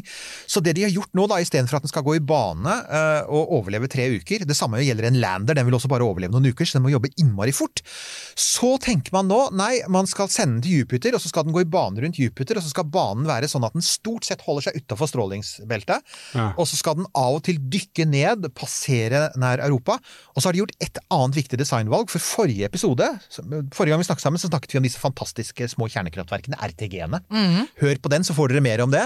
NASA bruker jo kjernekraft i det ytre solsystemet. Her kommer de til å bruke solceller av én grunn, og det er sonden vil uansett leve så kort at det er ikke, det er ikke for det, det er Trenger ikke 80 år. du trenger ikke 80 år, og disse RTG-ene er dyre, og de er sjeldne. Det lages ikke så mange av dem. Så da bruker de rett og slett veldig store solcellepaneler, for ute der ute er det bare 4% av sollyset som vi har. Eh, og de solcellepanelene blir brutt- ned. Det vet vi jo. Solcellepaneler tåler heller ikke kraftig stråling. De brytes ned. Men, det, men de, det gjør ikke noe om de bare lever noen måneder, fordi at eh, den sonden dør jo. Så det var sånn, ok, wow. Så siste lille ting her når det gjelder Europa, er selvfølgelig at man leter etter liv på Europa, og det bringer oss naturlig over til det neste, siste temaet vårt, som er det livet er selvfølgelig ikke på overflaten. For selv de Altså, det finnes noen bakterier på jorda eh, som er supertolerante, har jeg oppdaget. Ja, det finnes noe sånn Noe som heter sånn radioduran, så da hører man i navnet at ok, de tåler stråling. Radio Duran, ja, det lukter vondt òg. Det lukter vondt også, ikke sant? Durian. Og så har du, og så har du eh, en som heter Thermococcus gammatolerans, så da kan man også høre på navnet at ok Termokokkus gammatolerans. ja, så God bedring. Det er en sånn staffylokokk som liker varme og som knasker stråling. Tåler noe sånn som 10 000 ganger mer enn hva mennesker ville tåle. Men her er saken. Selv denne termokokkusen ville jo faktisk Den ville croake på eh, Den kan ikke leve lenge på Europa fordi det er så vanvittig høy stråling. Men poenget er at det livet man leter etter på Europa, det er jo under is. Det er under mange hundre meter, kanskje mange kilometer med is. Det er i et vann under is. Og da Sunniva, da kommer vi til det hva vi kan gjøre med stråling. Vann beskytter ganske godt, gjør det ikke det? Ja, men først må jeg komme med en fun fact til der når vi snakker Mer om fun da- fact. og- Og Det er, du er en maskin, Sunniva. Det er helt strålende. Fordi, okay. ja, fact, det er strålende. Ja. Eh, fordi i, i Når du har en egen sånn starten derre ping sier 'Sunnivas fun fact', pling! Ja. Ja. Det er sånn man gjør. Nei. Uh, I starten, da, for å si 100 år tilbake i tid eh, cirka, da man eh, Ja, på starten av 1900-tallet, da man hadde oppdaget radioaktivitet og stråling, og det var Da syntes man det var kjempestas. Man hadde foreløpig ingen ideer om at dette kunne være skadelig på noen som helst måte, og man hadde reklame for Det var, eh, det var ansiktskremer med thorium, det var bleier med radioaktivitet, det var eh, så? Altså, det Ja, var liksom alle mulige ting da, som var liksom Og de er radioaktive, og det var superflott. Og så, men, og, og så kom man vel dit at man, eh, man Og man brukte ja, man, liksom, man hadde laget ting selvlysende som Og det, det, og det var også i de dager hvor, hvor man solgte hostesaft med heroin, just mentioning. Ja, Ja, det var, det var i de dager man hadde litt sånn slappere forhold til ting, rett og slett. Ja, man visste ikke, man visste ikke om den. Ja, ja. ja. Men, eh, og så fant man jo også ut at eh, nei, men man skulle lage også insektmiddel med stråling som på en måte gikk rundt da og bestrålte eh, bestrålte insekter. Eh, og saken at det var jo også bare tull, egentlig. Eh, og så kan man si jo, men, men man kunne jo brukt Kan man ikke bruke stråling til å drepe insekter? Og det vet vi jo nå at jo, det kan vi gjøre, men eh, insektene altså Jo mer avansert eh, organisme du er, da, desto mer sårbar er du for eh, for f.eks. stråling. Så hvis du har klart å komme med en sånn dose at de insektene dør, da har du drept deg selv. Også, Ja, for du, for du, kan, du kan rense huset ditt for veggdyr og ved å sette fyr på det. Du kan det. Det er litt samme greia. Ja, Du kan, litt... du kan jo gjøre det, de blir borte. Ja. Eh, men det er ikke så veldig ja. Så, det, så man hadde alt mulig radioaktivt, blant annet også insektmiddel. Men, og, det, og det tar oss jo da til at du fins bakterier og andre typer organismer som tåler veldig mye mer. Men ja, vann eh, kan beskytte veldig, veldig godt mot, eh, mot stråling. Og ikke bare det, men altså rett og slett altså fordi at, og det er, hvis, vi skal, hvis vi skal komme tilbake til Mars igjen, for det er liksom det Hvis vi skal tenke da liksom Ok, vi, nå veit vi at vi må være litt forsiktige med å være i lav jordbane. Men jeg, en ting som jeg ofte har reagert på, da, siden jeg er litt sånn sånn wannabe Martian, liksom.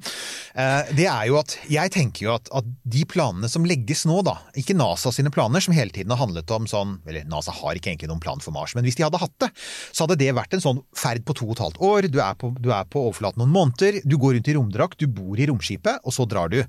Så ja, da får du, da får du kanskje 1500 millisievert i løpet av den tiden. Men det som typ eh, vår venn Elon Musk, som er den andre vi har glemt å nevne i denne sendingen, han snakker om, det er jo bosetninger. Og der er han helt kryst- krystallklar på at du skal jo helt klart ikke bo i et lite altså, eh, i et romskip med noen tynne vegger på overflaten. Du skal faktisk bygge Det har nettopp vært holdt en internasjonal designkonkurranse for bosetninger på Mars, og alle de bosetningene de har jo faktisk Enten er det jo en hule under bakken, og da ender du faktisk ned på Da ser jeg at du er Da snakker de om sånn typ 6 millisievert eller sånt, og da er du nede på jo- jordnivåer, Ja. altså. Eller du har en meter eller to med Mars-sand oppå selve basen din. Og igjen, da kutter du det dramatisk. Ja. Ikke sant? Så det er sånn at forskjellige typer stråling, man må på en måte avhengig av både energien til stråling og hva slags type stråling det er, så er det forskjellige typer materialer man kan bruke for å stoppe det. Eh, Det kanskje mange tenker når de hører stråling og beskyttelse mot stråling, er liksom gammastråling, og man må ha mye bly. Ja, Fordi- ja det sitter jeg med. Ja. Ikke sant? Ja. Så det, og, det, og det stemmer at hvis det er eh, gammastråling eller røntgenstråling, de oppfører seg på samme måte, egentlig. Da er det nettopp da må du ha, da må du ha eh, mye av et eller annet tungt stoff, f.eks. bly, eller utarmet uran er også utmerket stoff for å beskytte mot gammastråling og røntgenstråling. Men det er ikke det det hovedsakelig kommer her, det er disse partiklene, og partikler er mye enklere å stoppe. Stoppe. Ja. Eh, nettopp fordi at de, de kolliderer da med Så masse, stoffer. slett. Ja, de, de, sånn at, eh, og, de, og, de, eh, og de stoppes faktisk da ganske godt av lette materialer som vann. Vann er jo hydrogen og oksygen, så det er et, eh, et ganske godt materiale for å stoppe. Eller, eller is, eller parafin, eller da Ja, så det er, det, det er ikke så vanskelig å mot. I den derre dølle serien Away, Ja. så skal de vel fylle romskipet med vann på utsida, det er vanntanker på utsida. Å, det er en sånn annen serie Ja. hvor de har vanntankene utapå. Det, men det stemmer jo, og det, og, og det er jo viktig å huske at sånne, sånne ting planlegger man for allerede. Det finnes faktisk også eh, områder av den internasjonale romstasjonen som har større tetthet av materiale rundt seg, sånn at du kan bruke det som tilfluktsrom i tilfelle et stort utbrudd på sola. Og det har faktisk skjedd. Det har skjedd ved flere anledninger. At, og vi får heldigvis et varsel, fordi at nå har vi jo satellitter som følger med på romværet, som er helt utrolig kult. Og de kan da gjerne gi mange timers varsel, og av og til noen dagers varsel, hvis det er et aktivt område på sola. Og da kan du faktisk rekke å søke tilflukt. Så det, det hendte jo faktisk blant annet i 2000, så var jo astronautene som da var om bord i romstasjonen, de søkte tilflukt i den russiske Zvesta-modulen, tror jeg den het. eh, som, hadde, som, har ekstra, altså som har ekstra beskyttelse rundt seg. Nettopp som, Og da kan du bruke vannet. Og jeg vet at designet for dette nye Starship til Elon Musk, der fins det noen sånne der røffe designgreier. Og en ting de er helt klare på, er at alt Altså at det skal finnes et tilfluktsrom Ja. for, for høy For, for hva er det sånn, sånn high particle events, eller hva det kaller Ja. det. I tilfelle du får særlig sola. For sola kan virkelig slenge ut noen stygge skurer. Men det du da gjør, det, det går over på noen timer, og da sitter du rett og slett i, omgitt av vann. Og da er du ganske trygg. Og så er det jo en sånn fun fact når det gjelder Mars, da, det er folk glemmer jo ofte det. altså På selve Mars, fordi at nesten hele diskusjonen har handlet om liksom Og det er ikke så rart, for at vi har stort sett erfaring fra vektløshet. Nesten all forskningen er gjort på vektløshet og interaksjonen mellom stråling og vektløshet. Men realiteten er at vi skal bo i tyngdekraft. Det, er der, det er det vi skal. Så den ideen om altså Jeg syns, NASA og ESA er litt for opp- hekta opp i det. For at ja, det er vektløshet til Mars, men da skal folk bli der. Og det er jo det som er planene nå. Folk skal jo bli der. Og det betyr at at for det første, du har halvparten av strålingen forsvinner, for du har Mars under deg. ikke sant? Så, så du kutter den galaktiske kosmiske strålingen i to fordi at Mars ligger under deg som et beskyttende skjold. Og Mars har en atmosfære. Og den tar faktisk ganske mye, den nå. Sånn at på overflaten til Mars så er det ikke på langt nær så ille som i tomme rommet. Og hvis du da i tillegg f.eks. legger en base veldig dypt på Mars, sør på Mars så finnes det et krater eller et basseng som heter Hellas. Og det er kjempedypt. Det er, det er, atmosfæretrykket der er dobbelt så høyt som ellers på Mars. Oi. Det er fremdeles ikke sånn at du kan puste det, men poenget er at der er også strålingen en god del lavere enn ellers på Mars. Så poenget mitt er egentlig bare at at, at vi, vi Altså, jeg, jeg føler litt, da, for å si det sånn, det er, det er min mening, men jeg føler at vi ender opp, Vi snakket om det i starten med skumlifisering av stråling. Stråling overalt, og det er kjernekraftverk, og det er, liksom, det er radioen og alt. Men så tenker jeg ok, vi lever i et miljø med mye stråling, og jeg føler at det har vært litt skumlifisering av stråling i rommet òg, for jeg er så opphengt i ja, men hva skjer med solutbrudd? Det er så mye som sies om det. Jo jo, men det er ganske sjelden, tross alt. Og, og hva skjer med på Mars? Du får kreft på Mars. Jo, men det, Mars er ganske bra beskytta, faktisk. Ok, Mars har ikke noe særlig magnetfelt. Det har, men det er lokalisert. Så ja, det var egentlig bare det jeg ville si. Jeg ville rante litt og si om at jeg er litt oppgitt over at det blir så mye skup... Men jeg, jeg, nå vet jeg at jeg preker til et rosa kor her.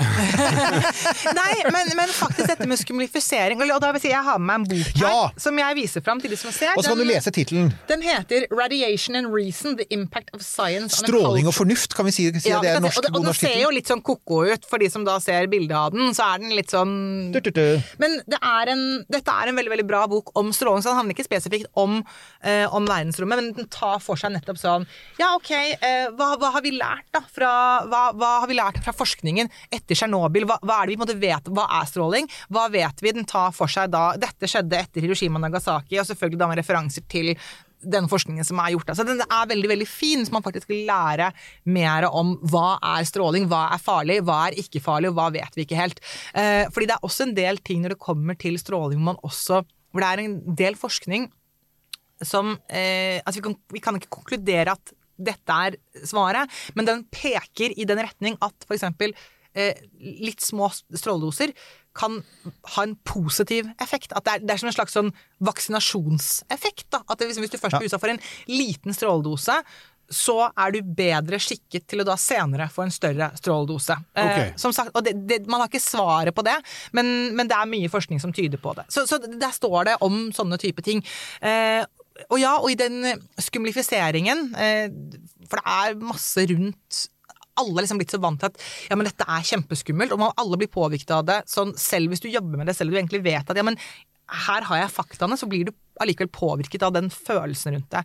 Og det er også gjort um, forskning på, det mener jeg er i Norge, at man selv da folk som da jobber med stråleterapi, at man, det er egentlig flere når de har kreft, som burde blitt behandlet med stråleterapi i Norge, men man på en måte er tilbakeholdne med å bruke stråleterapi fordi man er så på en måte så nervøs for stråling. Og det, og det stemmer at hvis du får stråleterapi når du får kreft, da har man jo store stråledoser til et lite område på kroppen, at det kan også igjen da senere i livet på en måte være med å trigge ny kreft. Det er en, det er en mulig bivirkning. Men så glemmer man litt sånn å sette det opp mot det er enorme bivirkninger av cellegift også. Det er, altså, cellegift, det er, det er ikke som om det er sånn Nei. Det er bare fint for kroppen din. Så, så det der med skumlifiseringen, det er så gjennomsyret at selv de av oss som egentlig kan mye om det og jobber med det, også på en måte kjenner på den følelsen ubevisst, tror jeg. Og så tenker jeg en annen ting også, det er jo at, at ok, uh, igjen, hvis vi skal ut i rommet, og jeg håper jo og tror vi gjør det, og at vi flytter ut i rommet, og veldig mange ønsker nå å flytte ut i rommet, så vil det jo på en måte gi oss en ny baseline. Nå har vi en sånn baseline for hva som er akseptabel stråling på jorda. Da Ja. får vi en ny, og så tilpasser vi oss den. Og så er det jo sånn at man, det finnes jo en ting er at man kan beskytte seg, eh, både med liksom vann og masse. Man kan beskytte seg med, med atferd. For eksempel så tror ikke jeg at det blir veldig mye friluftsliv på Mars, så lenge Mars ikke er terraformet. Det vil si at altså, du kommer til å kunne gå i romdrakt, men for eksempel man vil være nøye med at barn ikke gjør det. Så kanskje man blir eksperter på å bygge veldig store sånn enclosed spaces, altså at man Ja. faktisk bygger Domer. store domer, ikke sant? Sånne ting. Og så tenker jeg også at, at øh, det, vi, det er den, i den andre enden så finnes det massevis av forebyggende tiltak, f.eks. mye tettere oppfølging. Så jeg tenker at Mars uansett blir et høyteknologisk samfunn. Altså alt Ja, det blir, kan vi vel konkludere alt med blir high-tech fra dag én. Det finnes Ja. ikke én low-tech-ting. Og de som reiser dit kommer til å bli skanna i alle bauger og kanter kontinuerlig, og kommer antagelig til å gå med sånne monitorer og ta alle de blodprøvene som er, og skannes jevnlig. Jeg kan liksom ikke forestille meg noe annet enn at det blir bygd inn i det samfunnet fra starten av. Og det som man da kan komme til å se, er jo det paradoksale, altså apropos det du var inne på, med at vi f.eks. denne våren faktisk hadde lavere dødsrate i Norge enn det som var normalt. Ja. Altså at man faktisk ved å få et økt fokus på helse, så kan man faktisk få lavere tall. Ja, for, for Og- da, tilbake til? Du Ja. sa at det er, det er um, altså ESA eller NASA eller begge deler har da konkludert med at den type sånn ganske For det er jo fremdeles er det snakk om ganske høye strålenivåer som er- astronauter blir utsatt for. Ja. Eh, Den type lave ting som vi får nede på jordkloden, kan vi faktisk ikke engang si at det er en direkte sammenheng med kreft, selv om vi kan anta at det er det. Men, men den type doser som astronauter får, er det er relativt store da, sammenlignet med det vi får. Eh, og da sa de at det er 5 eh, økt sannsynlighet, som da betyr ikke 5% mer totalt av alle, men 5% mer enn de som allerede får. Så det går da fra 20% til 21% Mm. istedenfor. Eh, og så er det sånn, ja, så det er, da, det er da en negativ ting. Men så er det jo veldig mange ting som eh, altså i Altså helse er jo da Det er stress påvirker kreft, hva slags kosthold du har påvirket kreft, hvordan du trener og altså søvn. Det er veldig, veldig mange ting som da påvirker i den på måte positive eller negative sammenhengen. Sånn at det er ikke sånn at liksom at det at stråling kan gi da eh, større sannsynlighet for kreft, og da er det helt umulig å, å håndtere. Vi, folk velger å røyke, folk velger å spise eh, rødt kjøtt, folk velger Ja. å ikke trene. Altså, så det er veldig mange ting man gjør som er sånn, ja da får du lite grann høyere sannsynlighet for kreft i løpet av livet. Det, det, akkurat det er jo også et poeng som sier at tross alt da, så vil jo uh, det, det, det må være et veldig fokus på helse og faktisk også forbruk. Altså Dette vil jo være lukkede økosystemer i ganske lang tid. Med andre ord, en base på Mars.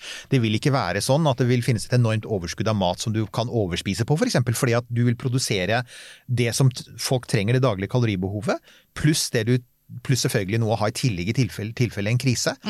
Men det det egentlig betyr, er at disse folka kommer til å bli veldig overvåket, de kommer til å leve veldig sunne liv på mange måter, og der, der kommer det en sånn litt advarende pekefinger. Nei, nei, det, det er ikke en pekefinger, jeg bare rekker opp handa. Det er en pekefinger. Det, det, ja, det, er jo en pekefinger, men det, jeg kunne like gjerne folkens! Det vil finnes videobevis. Jeg, jeg rekker opp handa. Ja. Eh, fordi jeg, jeg er jo på forelesning her, uh, uh, som en sånn freshman som prøver å lære ting her.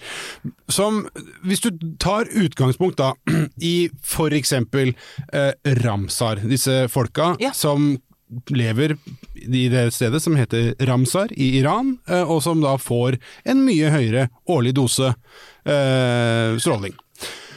Kan man da tenke seg, for jeg beit meg litt fast i noe som Eirik sa for litt siden, at dette livet som eh, finnes på Europa eventuelt, er jo selvfølgelig under bakken. Ok, ja, men hvor selvfølgelig er det da? Kan man ikke se for seg at hvis eksempel mennesket eh, velger å bosette seg på Mars, og så bare tar man evolusjonen videre der oppe da, så kan det jo tenkes at vi utvikler oss i den retning at vi kan takle eh, stråling mye bedre enn vi gjør, og det er ikke sagt at det ikke finnes noe liv i universet som kanskje kan leve i beste velgående med fem sivert per dag. Jeg er enig med deg eh, her. eh, og klart, nå nå er jeg på en måte langt Nå sitter jeg bare og gjetter og tenker og fabler, ikke sant. Men, men det som i hvert fall er sikkert, er at eh, utviklingen av liv, som vi kjenner her på jordkloden, har skjedd i et miljø der vi hele tiden har vært utsatt for stråling, og utsatt for mer stråling tidligere enn det vi er i dag.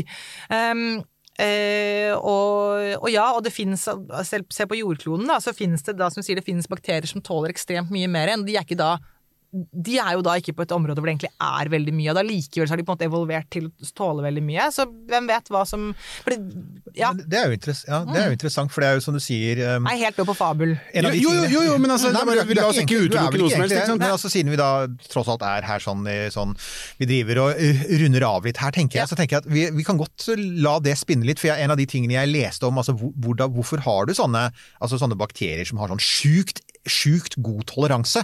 Ja, Det er jo ikke fordi at de er laget av noen andre molekyler enn oss. For at de er jo, alt liv på jorda er DNA-basert. Nei, Det handler jo om at disse bakteriene har en ekstrem evne til å reparere seg selv fortløpende. Og, og det tenker jeg, men, men det er jo interessant, for det er som du sier, en ting er evolusjonen. Nå skal jeg nevne det andre ordet som får folk til å frise ut, og det er altså begynt på gen. Det er jo faktisk også tenkelig at vi etter hvert kan utvikle genterapier. Er utvikle, ja? Ja, utvikle genterapier som faktisk gjør at vi kan reparere eventuelle stråleskader raskere, og at vi, det gjør at vi ikke skal se bort fra at det en dag faktisk kan gå folk um, i romdrakter omkring på Europa, der vi i dag faktisk de fleste av oss ville dø ganske fort, men at vi en gang i framtiden faktisk kan få det. Og jeg ser jo at det har jo vært tenkt litt rundt det også, det er jo mer science fiction, men det burde jo, med tanke på alt annet vi har tenkt da, Er ikke det å flytte til Mars også litt science fiction i seg selv? Jo, det er det det er. Det blir jo stadig mindre og mindre Det blir stadig mindre og mindre. Ja, men da må det være greit å ta Ja, med Ja, seg og så- er det, så tenker jeg sånn, så Siste moment for meg da, det er selvfølgelig dette med at vi, eh, vi mennesker, da, når vi tenker oss liksom hva som er mulig, så tenker vi, vi Vi tenker alltid ut fra vårt eget ståsted. Vi tenker fra vår egen nåsituasjon. Så jeg mener, hvis vi hadde sittet her for 20 år siden, så hadde vi jo aldri altså Akkurat nå så er det en, er det en, en liten lommedatamaskin, en smarttelefon, som, som filmer deg. ikke sant? Mm. Det er en vanvittig oppfinnelse. Ingen, ikke sant? Så, sånn, at alle skulle gå med det. Men nå er det nullpunktet. Ja, men selvsagt skal vi altså Nokia skal bygge 4G-nettverk på månen, for at vi skal jo selvsagt ha smarttelefon på den. Så tenker jeg, Ja, men det er, nå er det nullpunktet. Hva blir nullpunktet når du er på Mars, da? Jo, da blir det selvfølgelig ny teknologi, ny tenker, startups, forskere, smarte unge folk som sier jo, jo, ok, det er et problem med denne strålingen, men det har vi altså Så det jeg tenker da, er at, at det kan jo til og med hende at det utløser en hel sånn ny bølge av nytenkning rundt hele. For nå er vi veldig bundet opp i Hiroshima, Nagasaki, eh, Fukushima. Altså, vi, altså Vi er fanget i et mindset rundt stråling og kjernekraft som er ekstremt preget av den kalde krigen og det som har skjedd de siste 50 årene. Og mye av det som har skjedd, er et resultat av den kalde krigen, annet elendige sovjetiske kjernekraftverk. Så, så jeg tenker, hva, der tror jeg det ligger mye muligheter. At, okay, men da må jeg komme med en ja. viktig kommentar. Altså fordi selv med de alvorlige ulykkene som har skjedd, hvor, altså Tsjernobyl, da, som du på en måte nå indirekte ja, nevnte veldig det, ja. ja, eh, Selv etter det så har det jo vært veldig få som har dødd eller blitt syke Ja. pga. av stråling. På, altså, Av de som var på kraftverket den natten, for enten brannmennene som kom dit, eller også folk som arbeidet der, så er det under 100 stykker som døde som en direkte konsekvens av stråling. Og, og enkelte av dem de fikk jo da sånn enormt stor, altså flere titalls sivert. Altså Da er det sånn Da er du gone, da. Og det er, en, det er en forferdelig måte å dø på. Det er ikke noe, det er ikke noe hyggelig med det. Så det er, liksom, det er det ikke noe spørsmål om.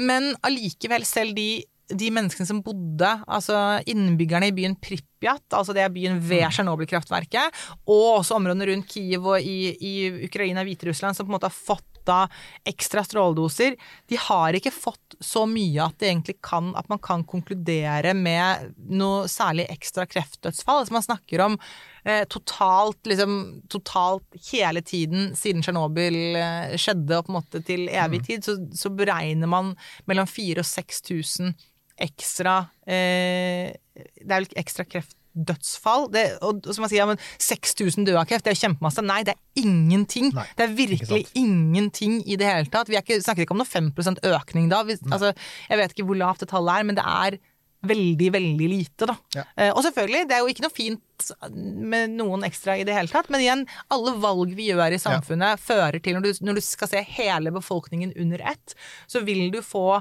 ja, at man får ekstra kreft. Det er som en, en eller annen negativ påvirkning på et samfunn vil på en måte slå seg ut at det er noe mer kreft. Og dette er faktisk lave tall. Ja, og da, da tenker jeg altså, det, ligger en reell fare for, og det er det jeg også igjen sitter og ser på disse strålingsmaksdosene som NASA og ESA opererer med nå, så ser jeg at folk har jo vært ute og sagt også at dette er litt sånn, sånn, litt sånn sikkerhetsnazi. Altså, Hvis man skal forholde seg til dem slik de er nå, så kommer vi oss aldri ut i solsystemet. For altså, de som reiser ut i solsystemet vil øyeblikkelig butte imot disse grensene. altså Ganske fort. Og alt de trenger er én sånn protonevent på sola, så er de så ah, Nei, du må tilbake, ikke sant. Ja.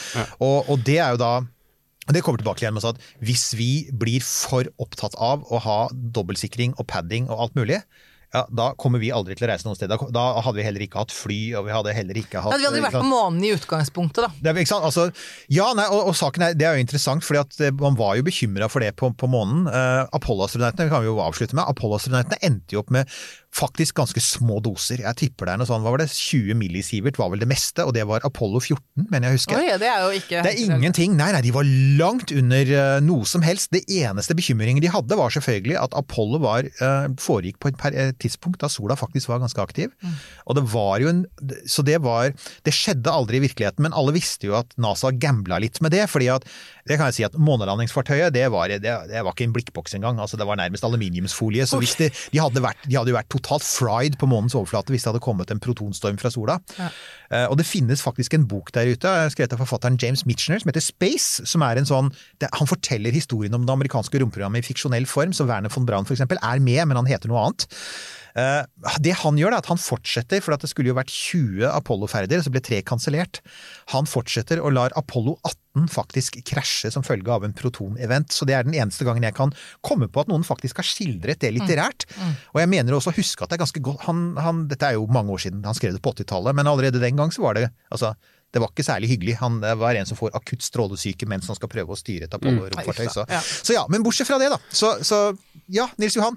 Dagen, det var dagens siste digresjon. On that note. On that note. Du, Sunniva, igjen, tusen, tusen takk! Åh, Tusen, tusen takk for at jeg eh, fikk komme igjen. Jeg kommer Alltid gjerne tilbake. veldig, Ja. veldig gøy eh, og oppklarende på en del ting. Og så håper vi jo spesielt eh, Sunniva da, at eh, du er litt mindre redd for stråling eh, nå. ikke sant? Og så har Og det altså som, skriver jeg veldig mye mer om i boken. Så jeg bare sier det igjen, eh, vi er Stjernestøv.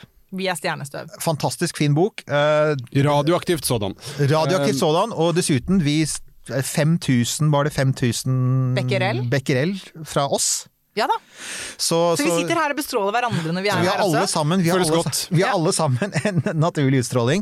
Og så vil jeg minne om igjen, vi kommer altså til å legge ut dette på YouTube, og vi vil forsøke faktisk å prøve å kode dem sånn at du kan hoppe litt til de ulike delene, for det her var det mye, mye som du sa, det var en forelesning. Ja, mye bra stoff, og dette her mener jeg hvis det er noen lærere som hører på, her er, dette kan brukes i undervisningssammenheng. Ja da. Det er bare å si fra fra departementshold hvis dere ønsker en eh, eller annen form for eh, Ja, nei, det er den vanlige oppfordringen. skoleturné der. eh, Skoleturné, støtte, alt mulig. Ja, Riksteatret særlig. Jeg Med Kahoot, da, skal dere ha altså Vi kan lage en Kahoot ja, jeg, jeg der også. vi kunne lage en glimrende Riksteaterforestilling Ja. om, eh, om radiation. Mm. Uh, ja, nei, og så selvfølgelig, uh, igjen, shownotes. Vi kommer til å, jeg sitter her med masse lenker, vi skal legge dem ut, sånn at folk kan få se Det finnes annet en ganske fin liten YouTube-video hvor en som jobber for ESA forteller om farene med, med stråling i rommet. Mm. Den er fin. Uh, og så trenger vi selvfølgelig som alltid deres kommentarer, innspill. Vi er på Facebook, vi er på Instagram. Vi er, ja, ja, ikke se så spørrende ut. Vi er på Instagram. Eh, eh, og Bloggen vår og shownotene er på romkapsel.no, og så har vi T-skjorter, og vi har kopper. Vi har, eh, vi har kopper. Eh, Hjertelig tusen takk til alle som har vært og kjøpt kopper, alle som kjøper T-skjorter, og også til alle som av helt eh, altruistiske årsaker bare er med og støtter Romkapsel på Vips. så tusen takk for det. Skal vi ta en liten pause og fordøye alt som har I hvert fall må jeg ta en liten pause og fordøye alt jeg har fått høre her i dag. Og så høres vi igjen eh, enten nå eller da, eller akkurat når du vil, der du hører din podkast. Eventuelt ser oss på Denne Podkasten er produsert av Tid og Lyst.